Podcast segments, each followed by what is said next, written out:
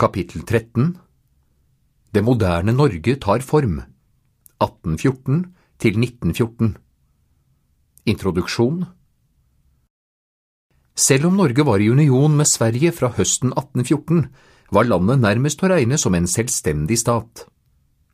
Norge hadde egen grunnlov, egen nasjonalforsamling og regjering, egne domstoler og egen statsforvaltning. Landet hadde dessuten egen sentralbank og eget militært forsvar. Fellesskapet med Sverige bestod i at vi hadde samme person som konge og felles utenrikspolitikk.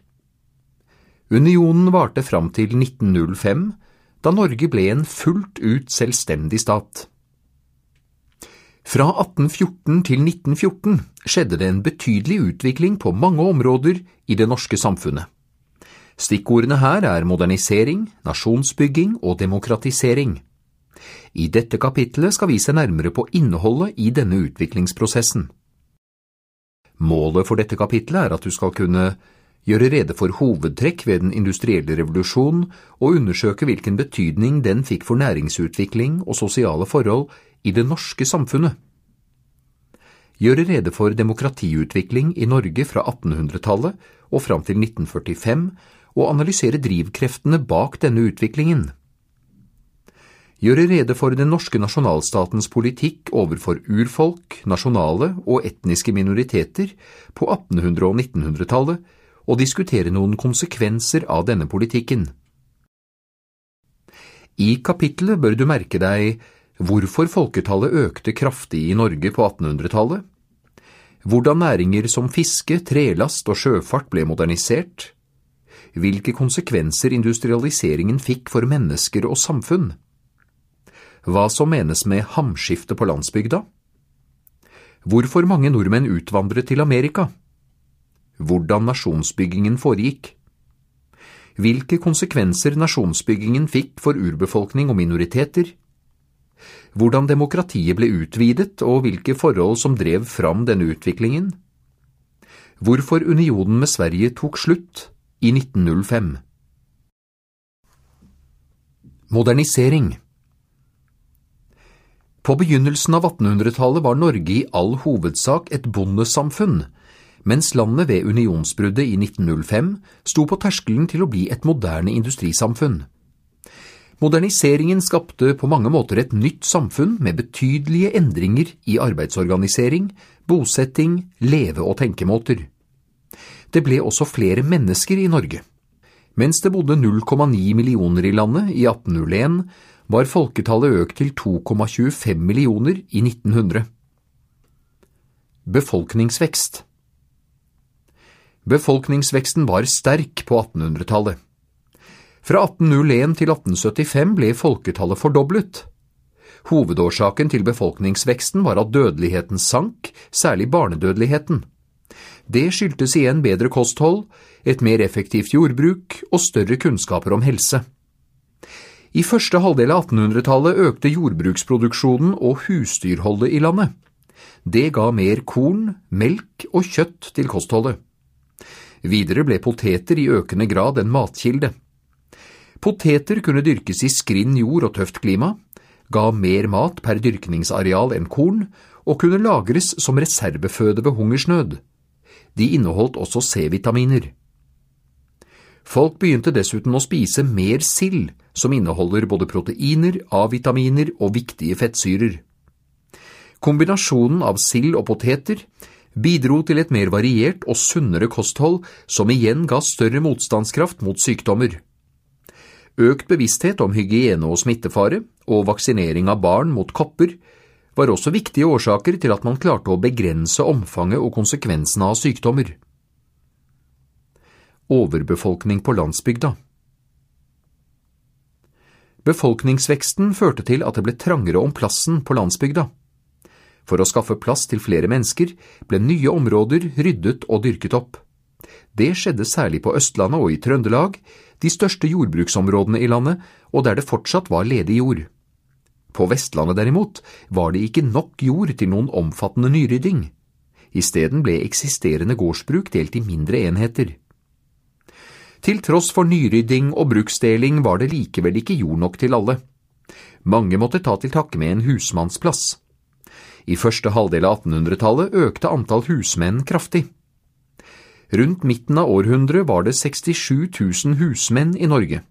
Deretter gikk tallet tilbake. Fra slutten av 1700-tallet hadde mange mennesker flyttet til Nord-Norge, der det var mye ledig jord. Dit kom også en stor gruppe fra Finland, såkalte kvener. Urbanisering og utvandring Fra midten av 1800-tallet skjedde det en kraftig urbanisering i Norge, som vil si at byer og tettsteder vokste. Grunnen til det var at folk forlot landsbygda i håp om å finne seg arbeid i industrien, som tjenestefolk i private hjem eller innenfor noen av de mange nye yrkene som vokste fram med moderniseringen av samfunnet. For eksempel ble det nå bruk for telegrafister, sykepleiere, lærere og kontorister, og ikke minst industriarbeidere. Mange av byene i Norge lå langs kysten og kunne derfor også by på arbeidsplasser tilknyttet fiske og skipsfart. I 1801 bodde 10% av befolkningen i Norge i byer og tettsteder. I 1875 var andelen økt til 25% og i 1900 til i overkant av 35% I hovedstaden Kristiania vokste innbyggertallet fra ca. 9000 i 1801 til ca. 230 000 i 1900. Fra 1840-årene førte myndighetene en politikk inspirert av økonomisk liberalisme. I praksis betydde dette at mennesker og næringer fikk større frihet. Opphevelsen av gamle standsprivilegier åpnet for at flere mennesker kunne drive handel og håndverk. Det var heller ikke lenger et krav at all handel måtte foregå på steder som allerede hadde bystatus. Dette førte til at flere tettsteder og tidligere ladesteder vokste og fikk nettopp bystatus. Noen eksempler er Haugesund, Ålesund og Vadsø.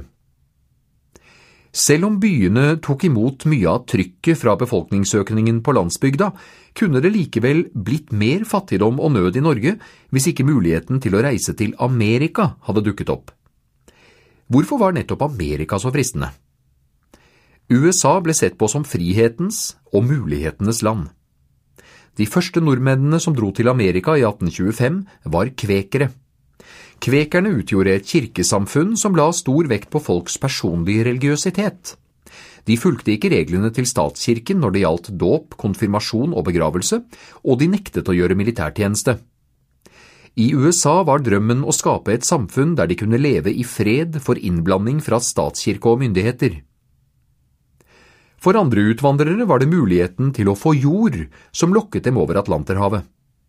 I 1826 vedtok Kongressen i USA Homestead Act, som åpnet for at immigranter kunne få inntil 640 mål jord nærmest gratis. Forutsetningen var at de slo seg ned på jorda, dyrket den opp og ble amerikanske statsborgere. Fra amerikanske myndigheters side var det særlig et ønske om å skape bosettinger i Midtvesten.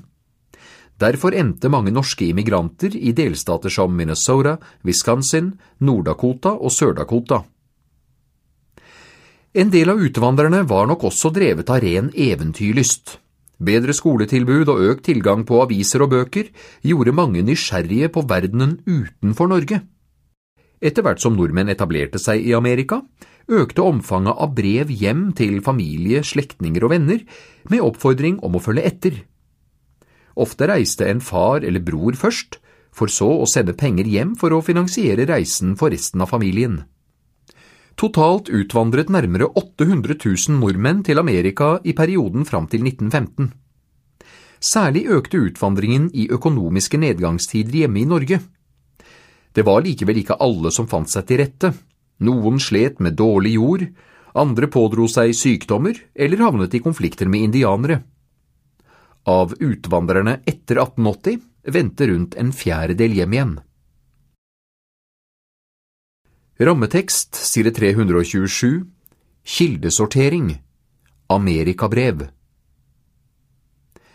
Enhver uformuende som vil bruke flid i at arbeide med troskap, kan her innen kort tid blive velholden mann, og derimot den rike har det enn bedre, ti han finner levevei med mindre trel og byrder, og således have et langt roligere liv her enn i Norge. I kan tage til eksempel meg med min skjebne, som fra det første syntes at være tung, da alle mine penger, som bestod i 28 daler i sølv, ble meg frastjålet i byen Albany, så jeg med nød og neppe kunne redde meg selv og mine fra hungersnøden. I avledende vinter ble jeg med kone og eldste barn syk av kuldesyken, som angriper nesten enhver, så vel innfødte som utlendinge, men denne sykdom er ikke dødelig dog holdt den meg nesten hele vinteren. Uaktet jeg kom tom og pengeløs inn her, samt til like har vært syk, har jeg dog forvervet meg følgende eiendom, en ko, et årsgammelt svin, en kalv, to okser, to år gamle, som er nødvendig for enhver til arbeidet, 40 åkre land, men derpå er jeg skyldig 18 dager. Herav kan De se hva fordel det blir for enhver som arbeider at komme hit. Skjønt jeg har vært syk nesten et halvt år og har familie at forsørge, har jeg dog kommet langt over hva Norge kan give sine arbeidere. Ekspansjon i fiske og fiskeeksport Fiske var en gammel og viktig næringsvei for menneskene langs hele norskekysten. Mange var fiskebønder, som vil si at de kombinerte fiske med jordbruk. På 1800-tallet økte fiske og ikke minst eksporten av fisk betydelig. Først og fremst ble det fisket torsk og sild. En viktig årsak til at fiske ga større avkastning, var at fiskerne nå i større grad enn tidligere brukte garn istedenfor snøre. I 1865 var antall personer som drev fiske som hovednæring eller binæring, trolig rundt 90 000. I tillegg arbeidet mange med å foredle, selge og eksportere fisk. Det utgjorde mange arbeidsplasser, og førte til at folketallet i kystbyer som Stavanger, Ålesund, Kristiansund, Hammerfest, Vardø og Vadsø økte. Ved siden av tørrfisk, tørket, og klippfisk, tørket og saltet, begge produkter av torsk, ble det eksportert stadig mer sild fram til 1880. Da forsvant silda fra farvannene i den sørlige delen av landet. Silda er ofte omtalt som en lunefull fisk som i perioder dukker opp, for så å forsvinne igjen. På samme tid begynte eksporten av fersk fisk som makrell og laks fra Norge. Også tran basert på torskelever ble en ny eksportvare i siste halvdel av 1800-tallet. Det samme gjaldt fiskehermetikk. Mot slutten av 1800-tallet stagnerte etterspørselen etter fisk i utlandet, og prisene falt kraftig. Det skapte igjen en krise i næringen som bidro til omlegging og teknologisk forbedring. Det ble bygd større, motoriserte fiskefartøy som kunne følge silda på dens vandringer og drive mer havfiske. En ny fangstmetode, bruk av snurpenot, økte fangstvolumet. Den nye teknologien var omstridt blant fiskerne. Særlig protesterte torskefiskere i Lofoten, og 6. mars 1890 kom det til et større sammenstøt mellom fiskere som holdt fast ved de gamle metodene, og fiskere som hadde tatt i bruk den nye teknologien.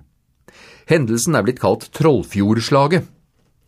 Året etter gjorde Stortinget lovendringer som medførte forbud mot bruk av snurpenot under lofotfiske. Den teknologiske utviklingen av fiske fortsatte derimot, og i 1914 var det 2500 motoriserte fiskefartøyer i Norge. Trelastnæring i vekst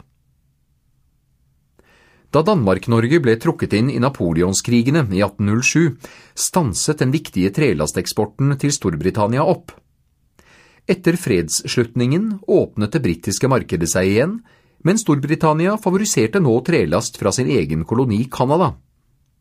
Tollsatsen på norsk trelast ble satt ti ganger høyere enn den kanadiske. Etterspørselen etter trelast ble også generelt lavere. For trelastnæringen i Norge ble årene etter 1814 en krisetid med mange konkurser. Fra 1830-årene bedret situasjonen seg, med økt etterspørsel både innenlands og utenlands. Trelastnæringen nøt også godt av at eksportavgiften på trelast ble satt ned, og at Storbritannia reduserte tollen på trelast fra Norge betydelig. Rundt en tredjedel av trelasten fra Norge ble solgt til nettopp Storbritannia. Andre viktige markeder var Nederland, Frankrike og Danmark. For å møte den store etterspørselen var det viktig å utbedre produksjonsmåter og infrastruktur innenfor trelastnæringen.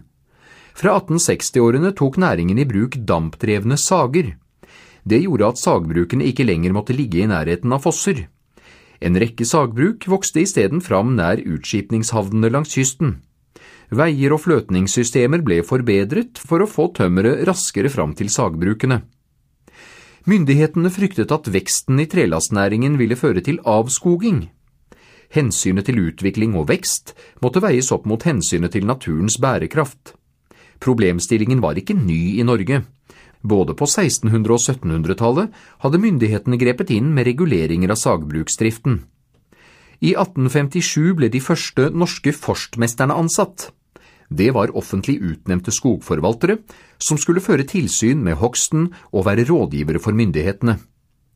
Tre år senere opprettet myndighetene et eget skogsvesen, og i 1863 vedtok Stortinget en skoglov som forbød salg av allmenningsskog.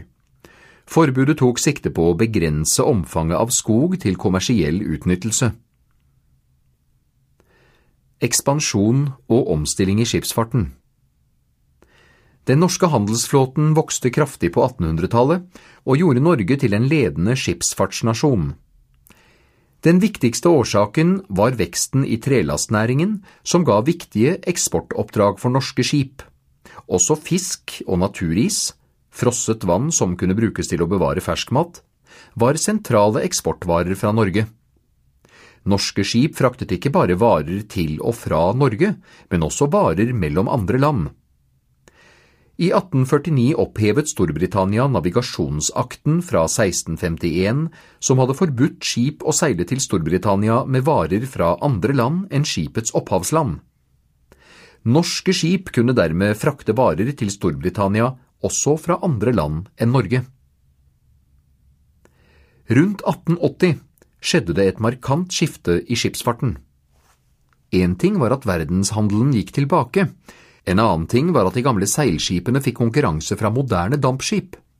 Dampskipene var raskere og trengte færre mannskaper, men de var også dyrere. Seilskipene var ofte eid av mindre partsrederier som holdt til på sørlandskysten. Et partsrederi bestod av noen få personer som i fellesskap eide et seilskip eller to. For slike små rederier var det vanskelig å skaffe nok kapital til å kjøpe dampskip. Overgangen til dampskip skjedde derfor i større byer på Østlandet og Vestlandet, der det fantes mer kapital og kompetanse. Bedre kommunikasjonsmidler Kommunikasjonene i Norge ble betydelig forbedret og utbygd fra 1840-årene og fram mot århundreskiftet. Antall kilometer med veier ble fordoblet, og i 1854 åpnet den første jernbanen, hovedbanen mellom Kristiania og Eidsvoll. Den knyttet tettere forbindelse mellom bygdene langs Mjøsa og hovedstaden. På slutten av 1800-tallet fulgte andre jernbaner, som Østfoldbanen, Smålensbanen og Vestfoldbanen. Fra 1880 kunne folk ta tog mellom Kristiania og Trondheim, og i 1909 sto Bergensbanen klar. Nye dampskip ble satt inn i rutetrafikk langs kysten, og fyrvesenet ble utbygd for å hjelpe skip gjennom vanskelige farvann. Videre fikk landet et bedre postvesen. Mot slutten av århundret kom også de første telefonlinjene. Den første industrien I Norge eksisterte det fra dansketiden en førindustriell virksomhet i form av gruvedrift, jernverk, sagbruk, møllebruk og skipsbygging. Likevel var det først i 1840-årene at det vokste fram fabrikker, slik som vi forbinder med den industrielle revolusjonen i Storbritannia. Det skjedde langs Akerselva i Kristiania, der det ble etablert tekstilindustri med spinnerier og veverier. Her utnyttet fabrikkene vannkraften til å drive maskinene. Tilsvarende industri oppsto også i utkanten av Bergen, Arna, i Trondheim og i Solbergelva ved Drammen på samme tid. Maskiner, bruksanvisninger og fagfolk ble i begynnelsen hentet fra Storbritannia. Gradvis overtok nordmenn industriarbeidsplassene etter å ha gjennomgått nødvendig opplæring. Det vokste også fram mekaniske verksteder som kunne reparere og videreutvikle maskiner til bruk i den hjemlige industrien. Mange kvinner valgte arbeid på tekstilfabrikkene framfor tjenesteposter i private hjem. Selv om lønna som industriarbeider ikke var særlig høy, og at kvinner tjente dårligere enn menn, ga industriarbeid likevel bedre lønn og høyere sosial status enn tjenestearbeid. Dessuten hadde kvinnene som arbeidet i industrien, litt mer fritid. Selv om arbeidsdagen på fabrikken kunne vare opp mot tolv timer, hadde de i hvert fall fri når de strømmet ut av anleggsportene ved arbeidsdagens slutt. Tjenestejenter fikk riktignok gratis mat og losji, men hadde ingen regulert arbeidstid. Det var også et usikkert yrke. For eksempel risikerte gravide tjenestejenter å bli oppsagt flere arbeidsplasser. I siste halvdel av 1800-tallet økte omfanget av industriarbeidsplasser. Det ble bygd flere fabrikker og utviklet nye typer industri, som tremasseindustri, hermetikkindustri og tobakksindustri. Mens den første industrien i Norge hovedsakelig hadde produsert varer for et hjemmemarked, ble hermetikk og tremasse også viktige eksportvarer. Likevel var fortsatt flertallet av befolkningen i Norge sysselsatt i jordbruket ved århundreskiftet. Mange industriarbeidere kom fra landsbygda. For dem kunne møtet med industriarbeidet by på store omstillinger. Mens folk på landsbygda var vant til å arbeide med ulike ting til ulike årstider og til å være mye ute i naturen, var livet som industriarbeider preget av lange dager i store fabrikkhaller der man hele tiden utførte de samme oppgavene. Klokka styrte også hverdagen til industriarbeiderne på en måte som var ukjent i jordbrukssamfunnet. Det var heller ikke ufarlig å håndtere maskinene.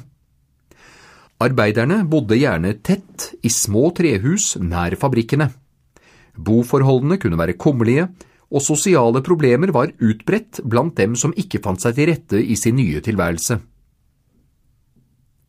Barnearbeid Mange barn måtte bidra til familiens økonomi gjennom industriarbeid. Barna arbeidet særlig i tobakks- og fyrstikkindustrien, men også på sagbruk og høvlerier. For arbeidsgiverne var barna billig arbeidskraft, men lønna var likevel viktig for barnas familier. Også i jordbruket var det vanlig med barnearbeid, selv om det ikke var regulert på samme måte som i industrien. Det var først med barnearbeidet i industrien at problemstillingen med barn og arbeid ble aktuell. Rundt 1870 ble det offentlig debatt om barnearbeid. Bakgrunnen for debatten var uttalelser fra lærerne om at barna var så trøtte på skolen eller regelrett skulket. For mange barn var det vanlig å kombinere skole og industriarbeid. Noen steder gikk de på skole den ene dagen og arbeidet den andre, andre steder vekslet de mellom å være på fabrikken og skolen.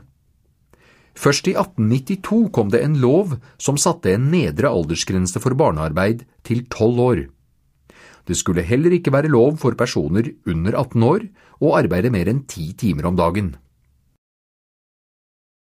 Rammetekst side 332 Kildesortering Om barn, fabrikkarbeid og skolegang I 1950- og 60-årene ble det samlet inn beretninger fra arbeidere om deres tidlige år i arbeidslivet. Her forteller en arbeider om kombinasjonen av skolegang og industriarbeid i 1890-årene. Når skoletiden var fra klokken åtte om morgenen, så måtte vi opp klokken fem nistes ut med frokost og gå til arbeidet vårt. Skolesakene hadde vi med. Noen minutter før klokka åtte fant vi fram skolebøkene våre og sprang til skolen, som varte til klokka elleve. Så var det å gå på bruket og innta vårt arbeid igjen. Likedan var det med dem som skulle begynne på skolen klokka elleve. På den måten ble hele dagen nyttet, og det var ingen oppvakte lærende med elever blant dem som hadde arbeid.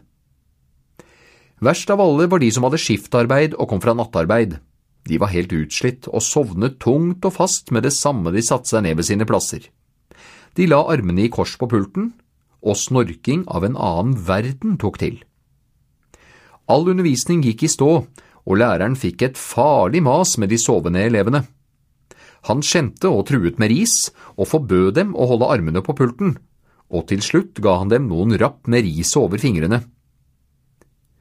Til slutt gikk det inn i lærernes bevissthet at det ikke nyttet med straff, eller at det ikke var påfunn av guttene for å forstyrre undervisningen, men at det var av nød i familien, og de fant på andre utveier for å undervise i slike tilfeller. Det industrielle gjennombruddet Det var først med framveksten av den kraftkrevende tungindustrien rundt 1905 at det store industrielle gjennombruddet fant sted i Norge. Det var elektrokjemisk og elektrometallurgisk industri som krevde mye energi. Her sto fossekraften sentralt.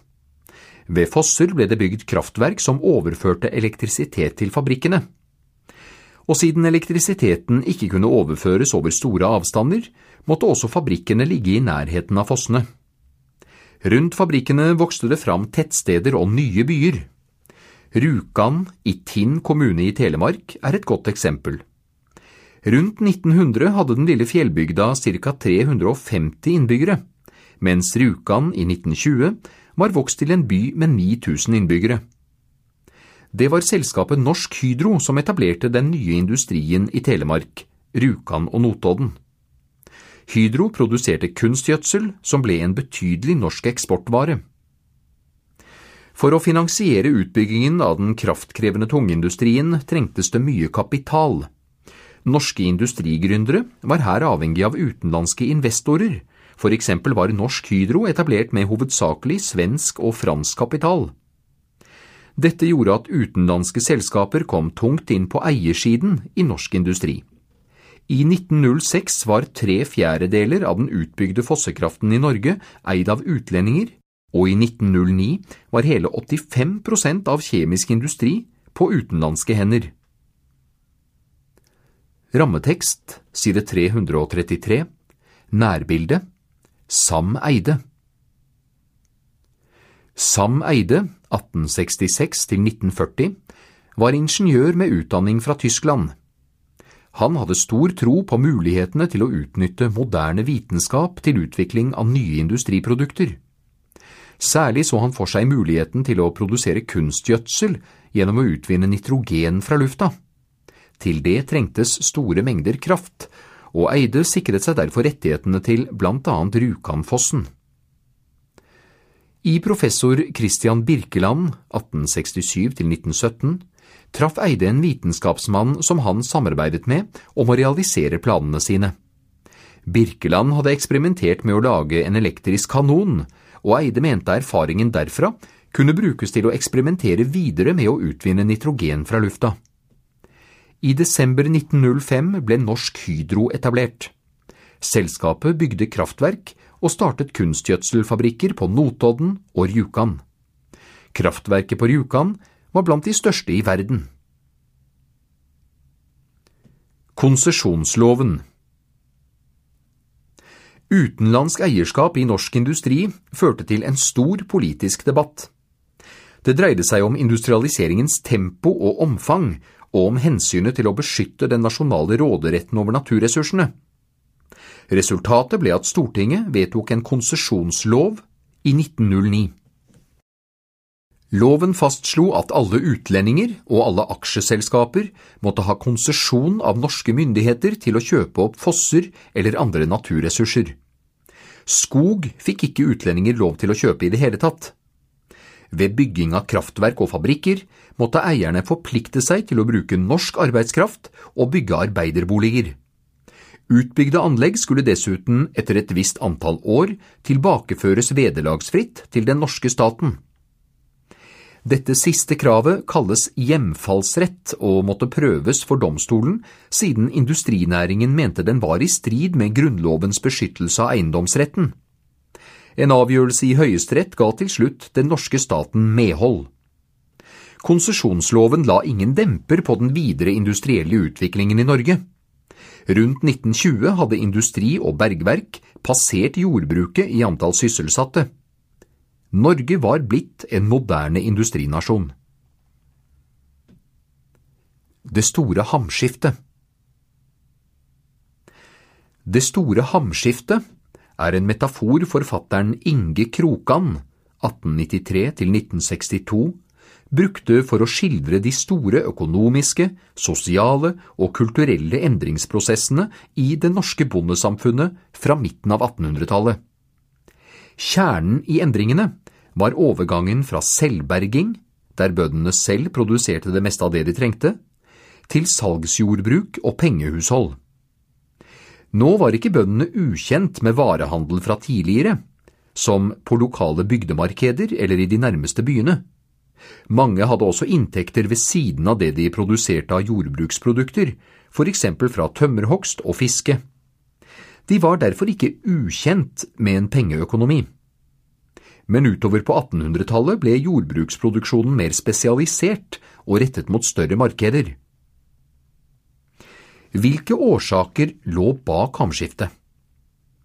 En årsak var at stadig flere mennesker forlot landsbygda for å søke lykken i byene eller i Amerika. Samtidig hadde utbyggingen av jernbaner og dampskipsruter gjort tilgangen på jordbruksprodukter fra andre land større. Det lønte seg derfor ikke lenger å produsere korn i Norge, fordi det kunne kjøpes rimeligere fra store jordbruksland som USA og Russland. Mindre arbeidskraft og billig korn fra utlandet førte til endringer i produksjonsmåtene. Bøndene begynte å ta i bruk nye maskiner som var skapt gjennom industrialiseringen. Særlig viktig var slåmaskinen. Den gjorde arbeidet folk før hadde måttet gjøre med ljå, mye mer effektivt. Slåmaskinen og andre tekniske nyvinninger, som treskemaskiner og potetopptakere, bidro også til at det kunne produseres mer mat med færre mennesker enn før. Kommunikasjonsmidler som tog og dampskip brakte bøndene nærmere de store markedene i byene. Mange bønder gikk over til fedrift, og byene ble viktige markeder for kjøtt, melk og melkeprodukter. Myndighetene la også forholdene til rette for et mer effektivt jordbruk gjennom nye lover for utskiftning av jord. Mange steder i landet, spesielt på Vestlandet, var bøndenes jord oppdelt i teiger. Teiger var små jordlapper, der teigene til hver enkelt bonde lå spredt sammen med teigene til andre bønder. Systemet var et resultat av at mange gårdsbruk tidligere var blitt delt opp for å få plass til flere mennesker. Utskiftningslovene åpnet for en ny fordeling av jorda, slik at hver bonde kunne få gjort om sine spredte teiger til ett samlet jordbruksareal. At det ble opprettet landbruksskoler rundt om i landet, gjorde at bøndene fikk bedre kunnskaper om moderne jordbruksdrift. I 1851 opprettet staten Norges Hypotekbank, som ga bøndene lån til å investere i maskiner og annet utstyr mot pant i jorda. Bøndene kunne også søke lån hos de lokale sparebankene, som ble opprettet på 1800-tallet. Hamskiftet i jordbruket var en prosess som skjedde i ulikt tempo i ulike deler av landet.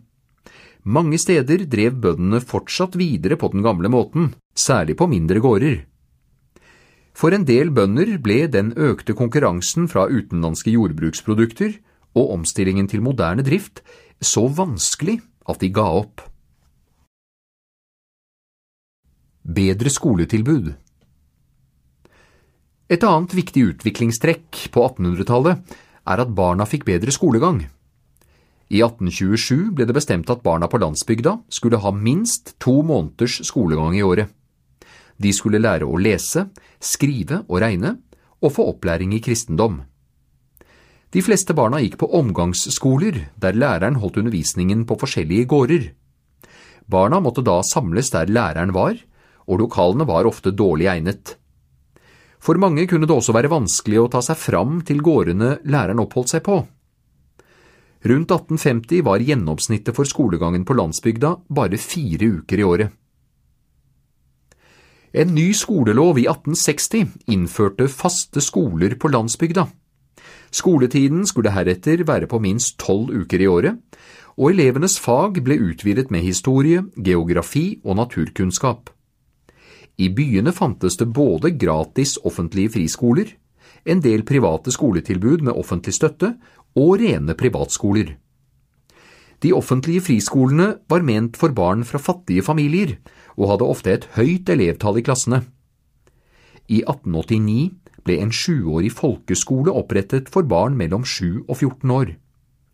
Antall elever i klassene skulle i utgangspunktet ikke være flere enn 35. Lærerne hadde på begynnelsen av 1800-tallet lite utdanning, lav lønn og relativt lav status. Men i 1840-årene bidro innføringen av en toårig lærerutdanning til å styrke lærernes kvalitet og anseelse.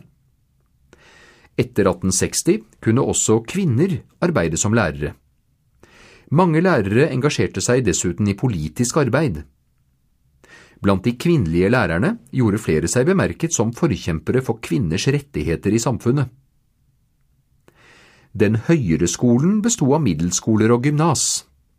Universitetet i Kristiania var landets høyeste utdanningsinstitusjon. Det var blitt opprettet i 1811, men hadde til å begynne med ytterst få studenter.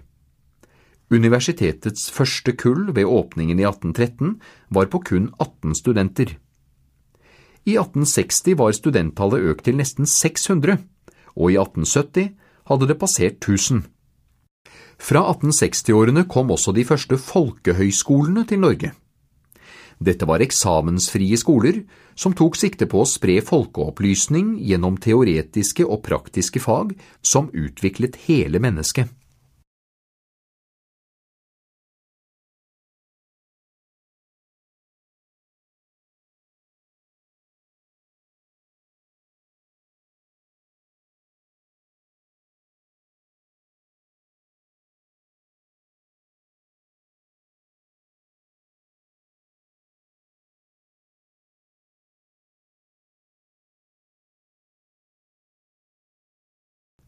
Klassesamfunnet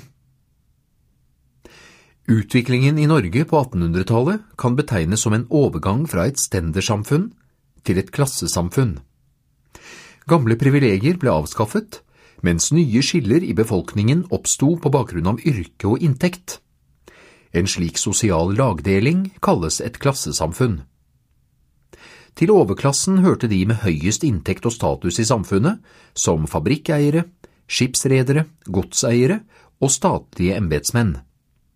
Middelklassen besto av kjøpmenn, skippere, håndverkere, lærere, ingeniører, kontorister, leger, sakførere og andre representanter for de mange nye yrkene som moderniseringen hadde ført med seg. Til arbeiderklassen hørte industriarbeidere, håndverkssvenner, fiskere, matroser og soldater. Bøndene kunne tilhøre ulike klasser, alt etter hvor store gårdsbruk og inntekter de hadde. I det gamle standssamfunnet hadde det vært lite rom for sosial mobilitet, det vil si muligheten til å bevege seg ut av det samfunnssjiktet man opprinnelig tilhørte. I det nye klassesamfunnet var det også tydelige sosiale grenser. Likevel var det en viss mulighet til å klatre sosialt gjennom utdanning, eller hvis man klarte å arbeide seg opp til en høyere stilling og bedre lønn. Arbeiderklassen Veksten i arbeiderklassen førte med seg en sterk klassebevissthet. Arbeiderne var mange, og de arbeidet og bodde tett på hverandre. I 1880-årene begynte de å organisere fagforeninger for å kjempe for interessene sine. I 1889 ble Arbeidernes faglige landsorganisasjon stiftet som en overbygning for fagforeningene. Året etter organiserte arbeidsgiverne seg i Norsk arbeidsgiverforening. Dermed var det to store motparter i arbeidslivet til å forhandle om lønn og andre arbeidsvilkår. Mens arbeiderne kunne streike ved uenighet, hadde arbeidsgiverne som sitt våpen å stenge arbeiderne ute fra arbeidsplassene, lockout. For at konflikter ikke skulle få store samfunnsmessige konsekvenser, vedtok Stortinget i 1915 at myndighetene kunne gripe inn dersom partene ikke kom til enighet. Rundt århundreskiftet vedtok Stortinget dessuten lover om ulykkesforsikring og sykeforsikring for arbeidere. Norge mottok en del innvandrere på 1800-tallet. De fleste kom fra Sverige, men også mange fra Finland. Mens svenskene slo seg ned sørpå, dro finske kvener nordover. Etter opphevelsen av Grunnlovens jødeparagraf i 1851 kom det også en del jødiske innvandrere. Det gjaldt særlig etter 1880, da mange jøder flyktet fra forfølgelser i Russland. Kvinnenes rettigheter I ekteskapet var mannen formynder og verge for kona. Det betydde at hun ikke selv kunne bestemme over verdiene og eiendelene hun hadde brakt med seg inn i ekteskapet. Ugifte kvinner hadde faren sin som verge. Rundt midten av 1800-tallet ble kvinnenes rettigheter noe forbedret. Døtre fikk arverett på lik linje med sønner, og ugifte kvinner fikk retten til å bestemme over sin egen inntekt og eiendom. Gifte kvinner var derimot fortsatt å regne som umyndige. Det ble ikke endret før i 1888, da gifte kvinner fikk samme råderett over inntekt og eiendom som ugifte kvinner. På slutten av 1800-tallet pågikk det offentlige debatter om prostitusjon og seksualmoral. Særlig bidro romanen Albertine, 1884, av forfatteren og maleren Christian Krogh, 1852 1925, til å rette søkelyset mot den åpne, offentlige prostitusjonen som foregikk i hovedstaden og på samfunnets dobbeltmoral. Mens kvinnene skulle holde seg til sine ektemenn, var det mer eller mindre akseptert at gifte menn kunne gå til prostituerte. Som et resultat av debatten som fulgte i kjølvannet av Albertine, ble offentlig prostitusjon avskaffet i 1887. Rammetekst, side 339 Nærbilde Ida Cecilie Thoresen Krogh Ida Cecilie Thoresen, 1858–1911, var en kunnskapssøkende legedatter som ønsket å studere ved Universitetet i Kristiania, Oslo. Hun hadde lest boka Om undertrykkelsen av kvinnen, som den britiske filosofen John Stuart Mill ga ut i 1869 sammen med kona Harriet Taylor. Forfatterens kritikk av kvinnediskrimineringen i samfunnet styrket hennes bevissthet om kvinners manglende rettigheter. Dette inspirerte henne også til å ta høyere utdanning. På denne tiden var det imidlertid ikke tillatt for kvinner å bli studenter. Hun engasjerte seg derfor i kampen for at kvinner skulle få adgang til å studere på lik linje med menn. Etter å ha fått avslag på en søknad til Kirkedepartementet om at både hun selv og andre kvinner skulle få studere, allierte hun seg med stortingspolitikeren og redaktøren Hagbart E. Berner. Han fremmet et privat forslag til lovendring som gikk gjennom i Stortinget. I 1882 ble Ida Cecilie Thoresen den første norske kvinne som fikk anledning til å avlegge eksamen artium og bli opptatt som student ved universitetet. Hun var senere med på å stifte Kvinnesaksforeningen Skuld, en forløper til Norsk kvinnesaksforening, og en stemmerettsforening for kvinner. I 1896 ble hun styremedlem i den nystiftede Norske kvinners sanitetsforening. Hun var også politisk aktiv i Venstre. Ida Cecilie Thoresen giftet seg i 1887 med advokaten Fredrik Arendt Krogh, som var broren til en annen kvinnesaksforkjemper, Gina Krog Fra land til nasjon Etter 1814 utviklet det seg en nasjonal bevissthet blant nordmenn. Historikere har hatt ulike syn på om det eksisterte noen nasjonal identitet før 1814. På 1700-tallet hadde det vokst fram en patriotisme knyttet til det å være norsk. Patriotismen og eventuelle forestillinger om en norsk identitet gjorde seg først og fremst gjeldende blant eliten i samfunnet. Utover på 1800-tallet bredte følelsen av å tilhøre et nasjonalt fellesskap med en særegen historie og kultur seg blant det bredere lag av folket.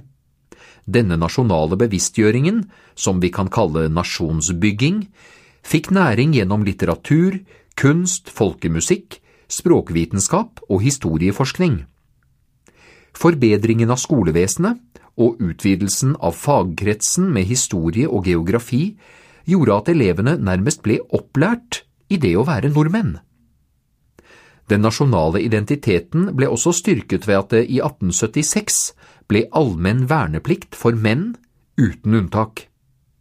Verneplikten var formelt innført med Grunnloven i 1814, men det hadde vært mange muligheter til å slippe unna.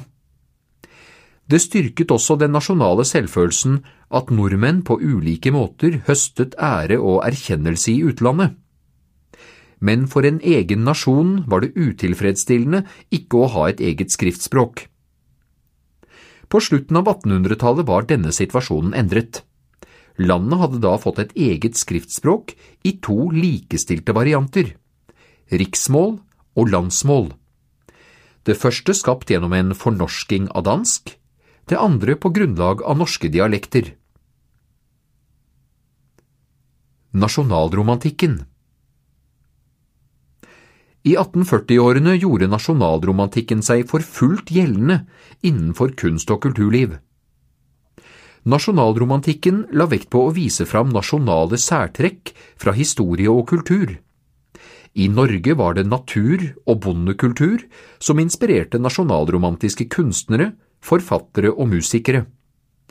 Bondekulturen ble regnet som bærer av det rotekte norske. Bondekultur og natur var derfor sentrale motiver i kunst, litteratur og musikk. Det var et idyllisert bilde av den norske bondekulturen som ble skapt gjennom nasjonalromantikken.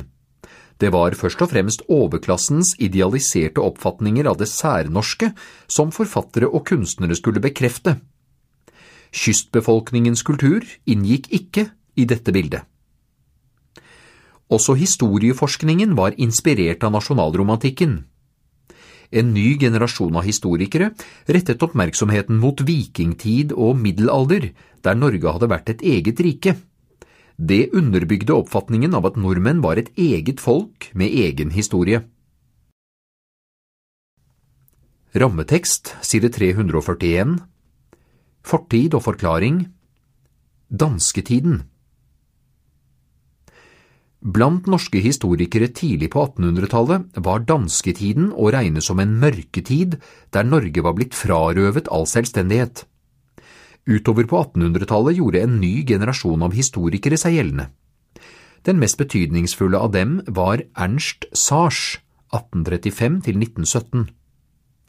Ifølge Sars skyldtes Norges nedgang i senmiddelalderen i vesentlig grad indre forhold i landet selv, som mangelen på en adel.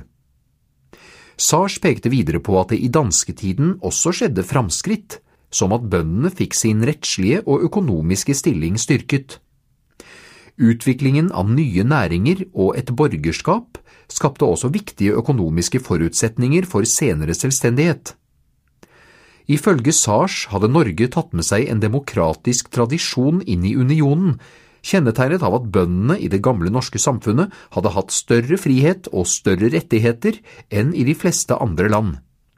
Det var denne demokratiske tradisjonen som ifølge Sars ble en drivkraft bak frigjøringen i 1814. Folkets rolle i forbindelse med 1814 har vært omstridt blant senere historikere. Fornorskingspolitikk Nasjonsbyggingen på 1800-tallet skapte større bevissthet om nasjonal identitet og virket derfor samlende på befolkningen. Men den nasjonale identiteten var sterkt knyttet til det etniske, det vil si at nordmenn hadde de samme historiske, språklige og kulturelle røttene. Minoritetsgrupper med en annen etnisk bakgrunn risikerte å bli ekskludert eller betraktet som en trussel mot den nasjonale enheten. I grenseområder, og da særlig mot Russland, mente dessuten myndighetene at det var viktig å ha en mest mulig norsk befolkning for å unngå mulige krav om grenseendringer. Siste justering av grensen mot Russland hadde funnet sted senest i 1826. Resultatet av nasjonsbyggingen var derfor en fornorskingspolitikk overfor landets minoriteter, der opplæring i norsk språk og tilpasning til norsk kultur var sentrale ingredienser. Målet var å få mennesker fra minoritetsmiljøer til å snakke, skrive og leve slik de fleste nordmenn gjorde. Fornorskingspolitikken rammet først og fremst samer, kvener, skogfinner, romani og romfolket. Samene under press Samene opplevde fra midten av 1800-tallet at de i større grad enn tidligere ble oppfattet som en fremmed og underlegen gruppe av norske myndigheter. Dette var et utslag av den nasjonale identiteten som ble skapt gjennom nasjonsbyggingen. I 1848 raste en politisk debatt om samene burde få undervisning i skolen på sitt eget språk eller på norsk. Resultatet ble en rekke tiltak for å styrke norskundervisningen, selv om samisk fortsatt kunne benyttes i skolen. Samer som drev med reindrift, opplevde at selve livsgrunnlaget deres var under press. Den økte innvandringen til Nord-Norge hadde ført til at mer av jorda var dyrket opp, noe som gikk på bekostning av beiteområdene. I 1852 stengte Russland grensene til Finland, som de hadde erobret i 1808–09. Norske samer mistet da muligheten til å ha reinflokkene på vinterbeite i Finland, en rettighet som hadde vært nedfelt i lappekodissilden fra 1751. Forholdet mellom samene og norske myndigheter tilspisset seg rundt 1850. Det hele toppet seg da en gruppe samer 8. november 1852 drepte lensmannen og handelsmannen i Kautokeino og banket opp sognepresten. Norske myndigheter, som fryktet et større opprør blant samene, reagerte med svært strenge straffer. Flere fikk livsvarig fengsel, mens to ble henrettet ved halshogging. Kautokeino-opprøret førte til en enda hardere fornorskingspolitikk overfor samene. Blant annet skulle all undervisning fra slutten av 1800-tallet foregå på norsk. Hodeskallene til de to personene som ble halshogd, Mons Aslaksen Zombie 1825–54 og Aslak Jacobsen Hetta 1824–54, ble sendt til universitetet i Kristiania. Samiske skjeletter var etterspurt i tiden til forskning. Først i 1997 ble hodeskallene utlevert, slik at de kunne gravlegges sammen med de øvrige levningene av Zombie og Hetta. Rammetekst side 342 Fortid og forklaring Kautokeino-opprøret Historikere har pekt på både religiøse, sosiale økonomiske og politiske årsaker til Kautokeino-opprøret. Den utløsende årsaken kan ha vært en religiøs vekkelse som grep om seg blant samene, og norske myndigheters reaksjon på denne. Mange samer var blitt påvirket av den svenske presten og vekkelsespredikanten Lars Levi Lestadius, 1800–61, som virket i Nord-Sverige. Lestadius tok blant annet sterk avstand fra alkoholbruk. Dette budskapet gikk hjem hos samene, som opplevde mange sosiale problemer som følge av drikking. Vekkelsesbevegelsen bygde på en blanding av elementer fra Lestadius' lære, annen kristendom og gamle naturreligiøse forestillinger. Medlemmene av bevegelsen mente de hadde Ånden. I dette lå at de regnet seg som hellige og hevet over både Bibelen, presteskapet og synden. Det provoserte sognepresten og lokale myndigheter. Flere samer ble anklaget for å ha forstyrret gudstjenester og dømt til bøter eller fengselsstraff. Bøtene ble innkrevd ved at samene måtte gi fra seg reinsdyr. Dette fikk økonomiske og sosiale konsekvenser, da reinflokkene ikke var spesielt store. Ved tvangsinnkrevingen tok heller ikke myndighetene hensyn til hvem i familien som eide de enkelte dyrene. Videre ble det tyngre å ta hånd om reinflokkene for reineiere som hadde familiemedlemmer i fengsel. Historikere mener opprøret også må ses som et resultat av dypereliggende årsaker, som sosiale problemer, usikkerhet rundt levekårene og samenes opplevelse av å bli behandlet som underlegne i det norske samfunnet. Rammetekst side 343 Kildesortering Kautokeino-opprøret De offentlige kildene til Kautokeino-opprøret er i vesentlig grad norske myndigheters versjon av hendelsen. I 2008 kom spillefilmen Kautokeino-opprøret. Filmens regissør, Nils Gaup, er selv samisk og tipptippoldebarn av Ellen Aslaksdatter Skum. Hun deltok i opprøret og ble dømt til livsvarig fengsel, benådet i 1867. Handlingen i filmen er basert på de historiske hendelsene, men forteller historien fra samenes ståsted. Filmskaperen har ikke lagt skjul på at han ønsket å skape forståelse og sympati for samenes situasjon. Kvener og skogfinner Kvenene drev med jordbruk og fiske i Nord-Norge. Mange av dem samlet seg i Vardø på grunn av de gode mulighetene innenfor nettopp fiske. I 1891 var den kvenske befolkningen i Finnmark på rundt 6000 personer. I likhet med samene ble kvedene fra siste halvdel av 1800-tallet utsatt for en hard fornorskingspolitikk. Kvensk språk var for eksempel, med noen unntak, ikke tillatt i skolene før mot slutten av 1960-årene. Skogfinnene drev med skogbruk, skogsarbeid og tømmerfløting. De fleste bodde på Finnskogen, i grensetraktene mot Sverige. Skogfinnene ble mer og mer assimilert, det vil si at kulturen deres ble oppslukt av den norske. Søknader fra skogfinnene om å få etablere skole- og kirketilbud på finsk ble avvist av myndighetene. Jødeforbudet opphevet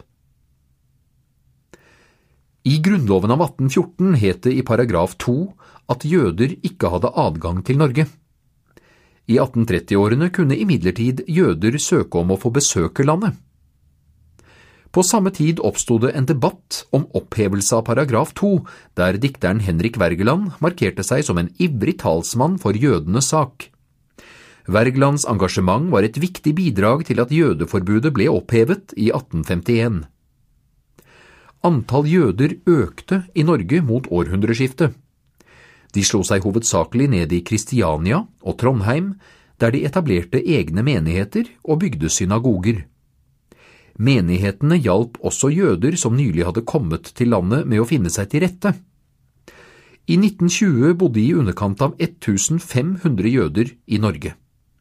Myndighetene oppfattet ikke jødene som en etnisk minoritet på linje med samer, kvener og skogfinner. De ble derfor ikke på samme vis rammet av fornorskingspolitikken. Romani og romfolket Romanifolket, også kalt tatere eller fanter, hadde røtter i Norge tilbake til 1500-tallet. Deres opprinnelse kan spores tilbake til India. Romaniene var omstreifere som drev med handel og håndverk. Med industrialiseringen på 1800-tallet sank etterspørselen etter romanienes produkter og tjenester. Istedenfor ble de oftere oppfattet som tiggere og kriminelle som det kunne være farlig å komme i konflikt med. I 1854 vedtok Stortinget loven om tatere og fantefolket. Loven omfattet også opprettelsen av et fantefond, der midlene skulle brukes til bosettingstiltak, kristendomsopplæring, barnehjem og fosterhjem. Romaniene skulle tvinges inn i en norsk bofast levemåte. I flere tilfeller ble barn tatt fra foreldrene og plassert i barnehjem eller fosterhjem for å unngå at de videreførte romanikulturen. Rundt århundreskiftet vedtok Stortinget også nye lover som ga hjemmel for å tvangsplassere omstreifere i institusjoner og for å unngå at de kom inn i landet. Omfanget av fornorskingstiltakene mot romanikulturen økte etter 1900. Da ble arbeidskolonien Svanviken på Nordmøre opprettet for romanifamilier. Her skulle de voksne arbeide og tvinges til en bofast tilværelse mens barna gikk på skole. Bruk av romanispråk var forbudt. Arbeidskolonien ble, sammen med mange barnehjem, drevet av foreningen Norsk misjon blant hjemløse også kalt Omstreifermisjonen. Misjonen mottok økonomisk støtte fra staten. Selv hevdet misjonen at arbeidskolonien var frivillig, men mange familier ble i realiteten presset inn der av redsel for å bli fratatt barna sine. Romfolket, sigøynere, har felles etnisk opphav med romanifolket. Mange kom til Norge på 1800-tallet og levde som omstreifere med handel og håndverk. De hadde også en sterk musikalsk tradisjon. Romfolket delte på mange måter skjebne med romaniene i møte med norske myndigheter og det norske samfunnet. Demokratisering I 1814 hadde Norge fått en egen grunnlov. Den var bygd på viktige prinsipper fra opplysningstiden, som folkesuverenitet, maktfordeling og menneskerettigheter. Grunnloven var i lys av sin tid også svært demokratisk med tanke på stemmerettsreglene. Det var likevel bare en fåtallig gruppe i samfunnet som tok del i styret av landet den første tiden etter 1814. I løpet av 1800-tallet økte den politiske deltakelsen i samfunnet, og demokratiet ble utvidet ved at mer makt ble samlet i landets folkevalgte forsamling, Stortinget. Innen 1914 hadde også stemmeretten blitt allmenn for menn og kvinner, og Norge var blitt en helt selvstendig stat. Vi skal her se nærmere på innholdet i demokratiseringsprosessen og hvilke forhold som drev den fram. Embetsmannsstaten Den norske historikeren Jens Arup Seip, 1905–92, brukte begrepet embetsmannsstaten om det politiske Norge i perioden fra 1814 til 1884. Han ville understreke embetsmennenes dominerende rolle i styret av landet. En embetsmann var utnevnt av kongen til en høyere statlig stilling. Han kunne også bare avskjediges av kongen. I den første tiden etter 1814 var nærmest alle viktige stillinger i samfunnet besatt av embetsmenn. De utgjorde den største og mest dominerende gruppen på Stortinget. De var statsråder, amtmenn, dommere, prester og høyere offiserer. Embetsmennene hadde universitetsutdanning. Fordi universitetet i Kristiania ikke ble opprettet før i 1811, hadde mange av embetsmennene utdanningen sin fra Danmark, København og i noen grad fra andre land.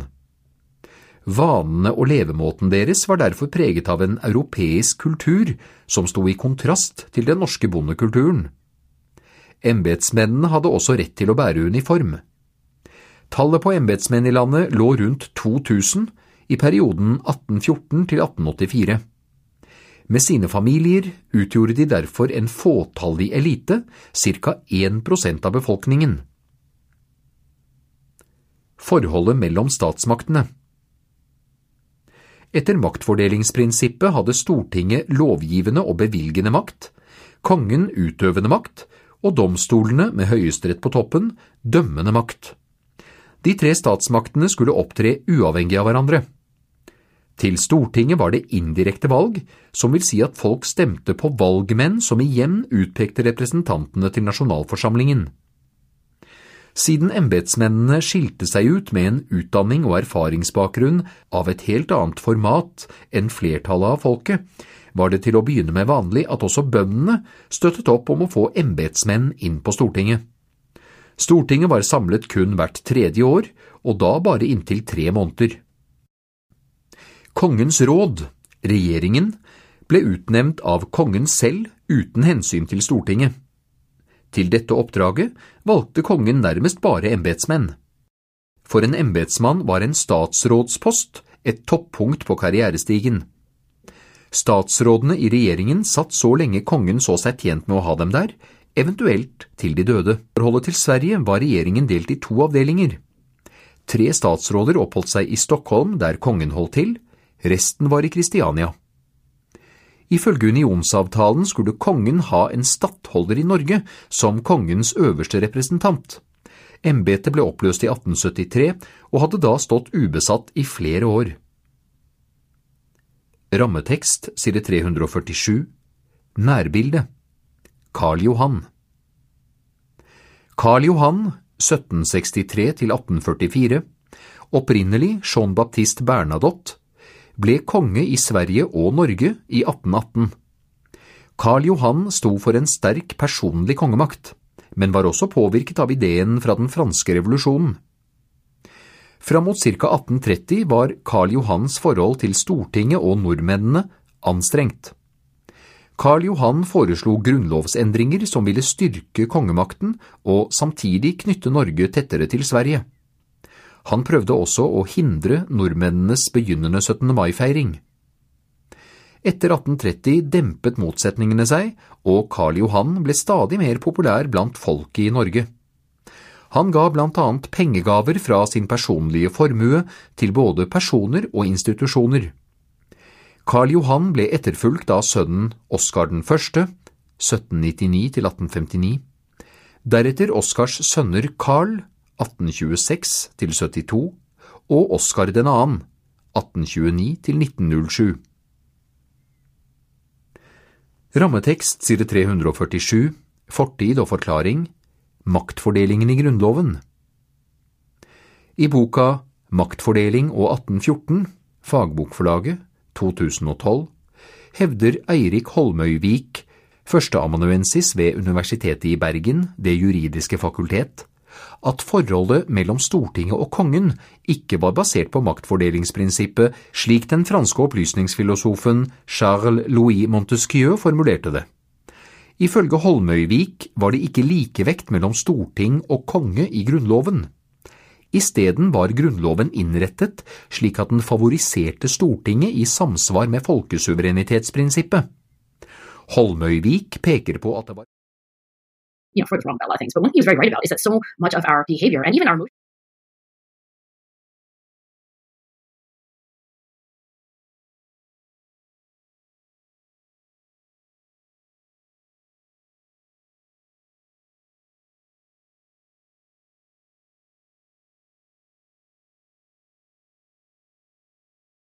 Delingen i Grunnloven I boka Maktfordeling og 1814 Fagbokforlaget, 2012, hevder Eirik Holmøyvik, førsteamanuensis ved Universitetet i Bergen, Det juridiske fakultet, at forholdet mellom Stortinget og kongen ikke var basert på maktfordelingsprinsippet slik den franske opplysningsfilosofen Charles-Louis Montesquieu formulerte det.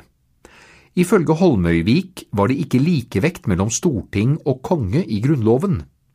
Isteden var Grunnloven innrettet slik at den favoriserte Stortinget i samsvar med folkesuverenitetsprinsippet. Holmøyvik peker på at det var folket som gjennom Stortinget fikk avgjørende makt ved lovgivning og grunnlovsendringer. Kongen manglet absolutt veto og kunne derfor bare bremse lovgivningen. Vern av Grunnloven i 1818 ble Karl Johan konge over Sverige og Norge. I årene som fulgte foreslo han flere endringer av Grunnloven som ville styrke kongens makt på bekostning av Stortinget. Karl Johan ønsket at Stortinget skulle samles sjeldnere, bare hvert femte år. Videre mente han at kongen burde ha absolutt veto over lover Stortinget vedtok. Ifølge Grunnloven hadde kongen utsettende veto. Det innebar at kongen to ganger kunne nedlegge veto, vil si nekte å underskrive vedtaket. Uten kongens underskrift kunne ikke loven gjøres gjeldende. Men hvis loven ble vedtatt i samme ordlyd av tre ulike storting, ble den gyldig uavhengig av kongens samtykke. Med absolutt veto ville derimot kongen kunne stanse alle stortingsvedtak han ikke likte.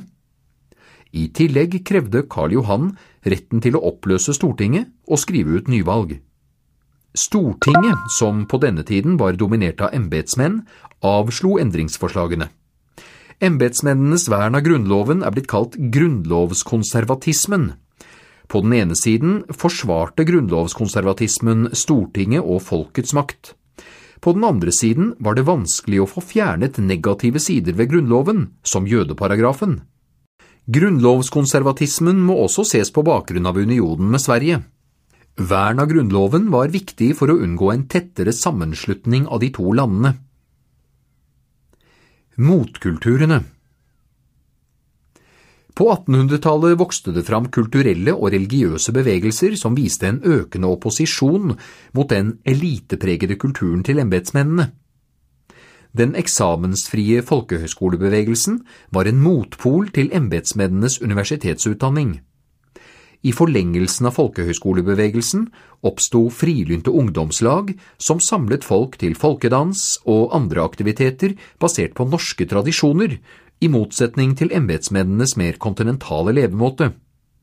Målbevegelsen arbeidet for et eget norsk skriftspråk, mens embetsmennene skrev dansk. Lekmannsbevegelsen sto i opposisjon til embetsmannskulturen ved at den lot vanlige mennesker forkynne Guds ord. Fram til 1842 hadde dette vært forbudt i Norge uten godkjennelse fra en sogneprest. Lekmannsbevegelsen sto for en personlig og pietistisk religiøsitet, og hadde kjerneområdet sitt på Sør- og Vestlandet. Den tok avstand fra ball og andre festligheter med alkoholservering som var en del av embetsmannskulturen. Slik sett sluttet den opp om avholdsbevegelsen som arbeidet mot alkoholbruk. Rundt midten av 1800-tallet var forbruket av brennevin i Norge veldig høyt og skapte mange sosiale problemer. Motkulturene skapte sosiale fellesskap og ga vanlige mennesker organisasjonserfaring. Denne erfaringen fikk igjen betydning for den politiske deltakelsen i samfunnet. Mange av motkulturene ble senere sterkt engasjert i den politiske demokratiseringsprosessen utover på 1800-tallet. Rammetekst side 348 Nærbilde Hans Nilsen Hauge Hans Nilsen Hauge, 1771–1824, var bondesønn, predikant, handelsmann og industrigründer. Han ble tidlig opptatt av religiøse spørsmål og hevdet han fikk et kall om å forkynne. Hauge reiste rundt og arrangerte religiøse møter uten sogneprestenes tillatelse. Det var forbudt, og Hauge havnet flere ganger i fengsel. Hauge og tilhengerne hans, haugianerne, la vekt på gode gjerninger og personlig hengivelse til religionen. For Hauge var det heller ingen motsetning mellom å være kristen og å tjene penger. Han oppfordret folk til å være flittige, både som kristne og i arbeidet sitt. Hauges forkynnelse utfordret embetsstandens makt og bidro til å åpne veier for lekmannsbevegelsen. Den stimulerte også bøndene til større politisk engasjement. Mange av bondepolitikerne på Stortinget hadde bakgrunn som haugianere. Bøndene i flertall på Stortinget i 1833 var det for første gang flere bønder enn embetsmenn på Stortinget. Mens bøndene tidligere til en viss grad hadde sluttet opp om embetsmennenes styre, var det flere bønder som nå mente at de måtte få flere av sine egne representanter inn i nasjonalforsamlingen. Jon Nergård, 1795–1885, var blant de fremste agitatorene for flere bønder på Stortinget. Nergård var selv bonde og hadde også vært stortingsrepresentant. I 1830 ga han ut boka En odelsmanns tanker om Norges nærværende forfatning, mer kjent som Olaboka. Budskapet i boka var at bønder måtte stemme på bønder ved stortingsvalgene. Så lenge embetsmennene utgjorde et flertall, ville ikke bøndene klare å bedre sine kår. Nergård tok boka med seg på agitasjonsreiser rundt om i landet, og mange ble kjent med budskapet hans. Kommunalt selvstyre Et viktig mål for bøndene på Stortinget var å redusere statens utgifter, slik at skattenivået kunne holdes på et lavest mulig nivå. Videre ønsket bøndene større lokalt politisk selvstyre.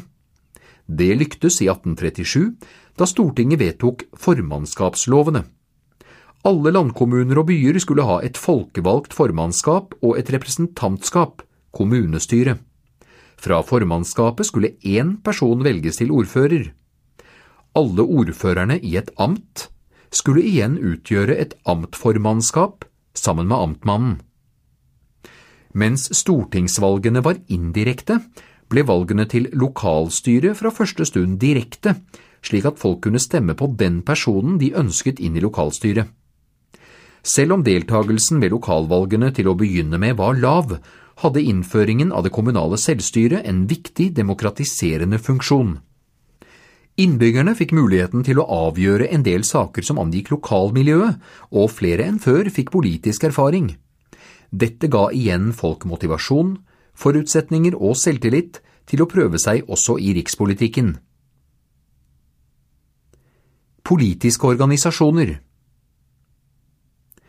i desember 1848 stiftet den tidligere læreren og avisredaktøren Markus Trane en arbeiderforening i Drammen.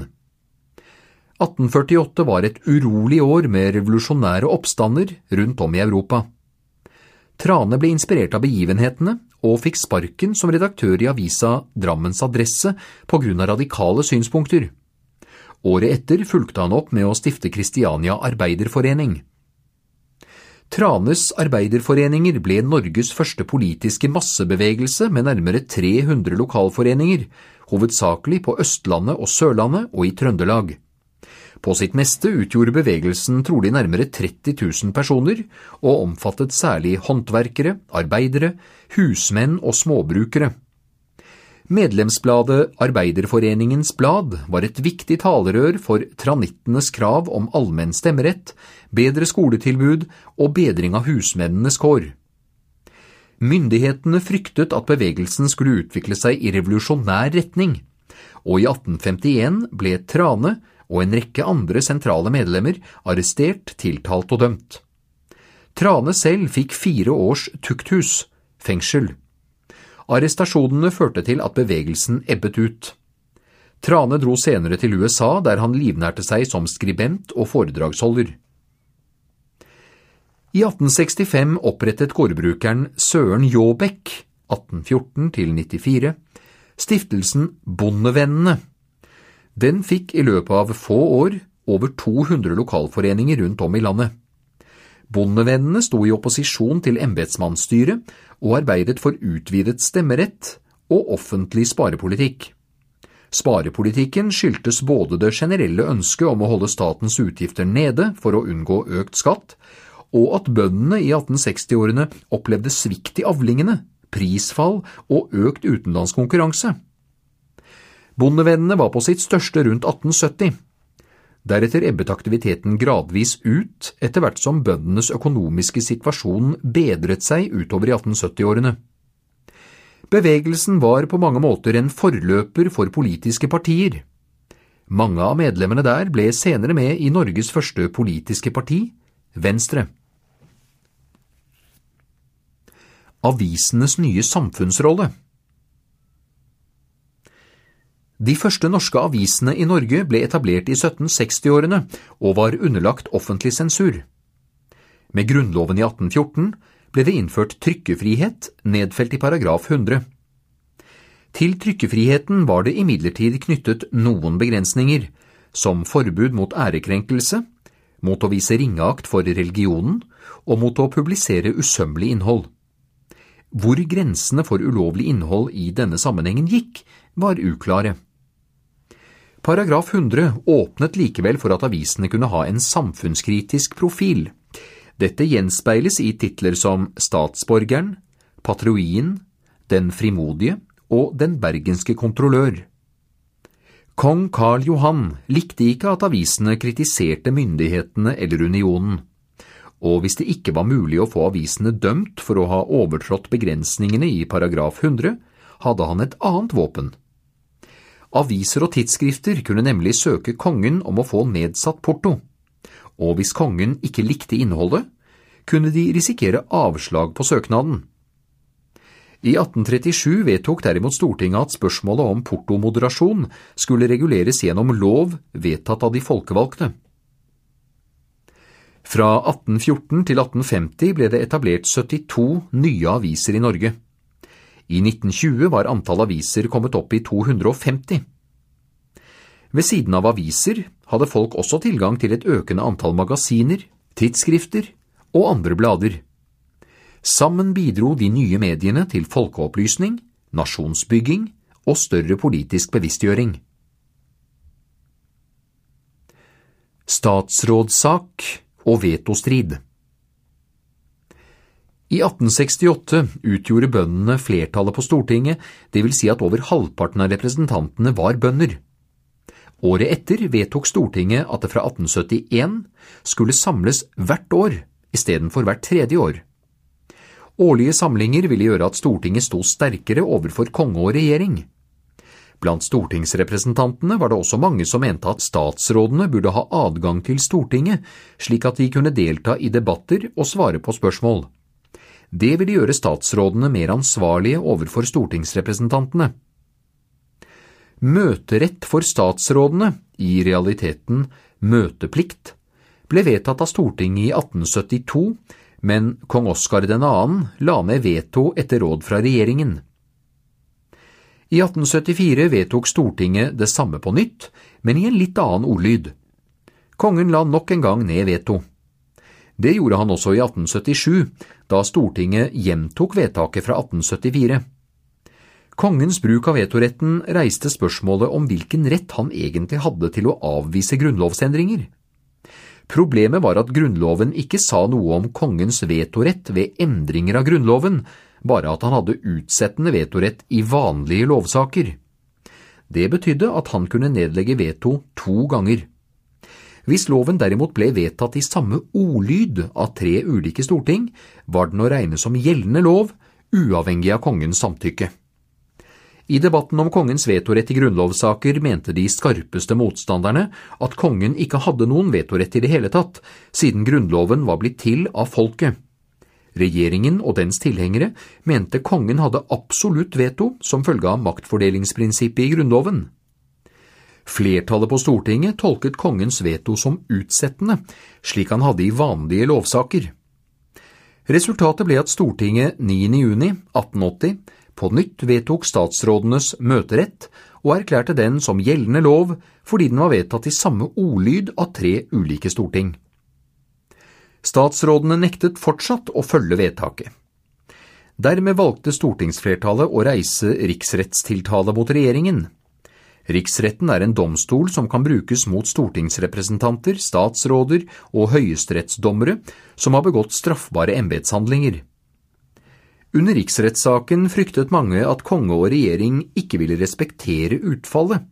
Man så for seg et statskupp der regjeringen fortsatt ville bli sittende, om nødvendig med militær beskyttelse. Kong Oskar 2. og statsminister Christian August Selmer, 1816–89, skal også ha drøftet et kupp, men innsett at det ikke fantes støtte for det. Mange av venstresidens sympatisører var medlemmer i en skytterlagsbevegelse som hadde vokst fram i Norge i siste halvdel av 1800-tallet.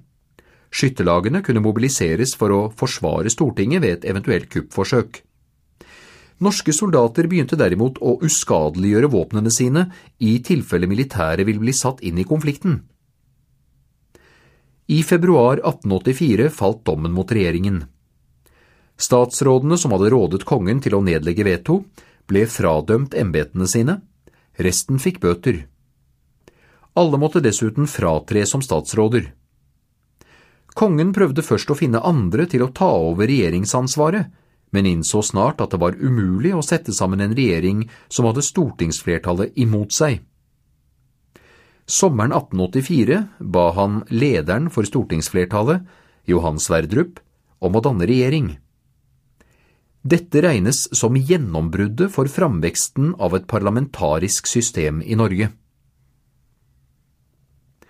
Rammetekst side 353 Nærbilde Johan Sverdrup Johan Sverdrup, 1816–92, var ferdig utdannet jurist i 1841. Deretter begynte han som sakfører i Larvik, der han også ble ordfører. Han tilhørte således den økende gruppen av mennesker som gjennom utdanning og lokalpolitisk erfaring hadde forutsetninger for å utfordre embetsmennenes posisjon. I 1850 gikk ferden til Stortinget. Sverdrup markerte seg som en dyktig taler og debattant. Han ble en samlende skikkelse for stortingsopposisjonen i arbeidet med å styrke Stortingets makt. Sverdrup er kjent for uttrykket all makt i denne sal. Med dette mente han ikke at Stortinget skulle ha all makt, men at makten ville være samlet dersom også statsrådene fikk adgang til Stortinget. Det ville gjøre det lettere for de to statsmaktene å samarbeide. Videre ville det øke statsrådenes ansvarlighet ved at kritikk kunne rettes direkte til statsråden, som igjen fikk forsvare seg. Hvis kommunikasjonen mellom storting og regjering ble bedre, mente Sverdrup at både den politiske interessen i samfunnet og valgdeltagelsen ville øke. Dermed ble også velgerne medansvarlige i politikken.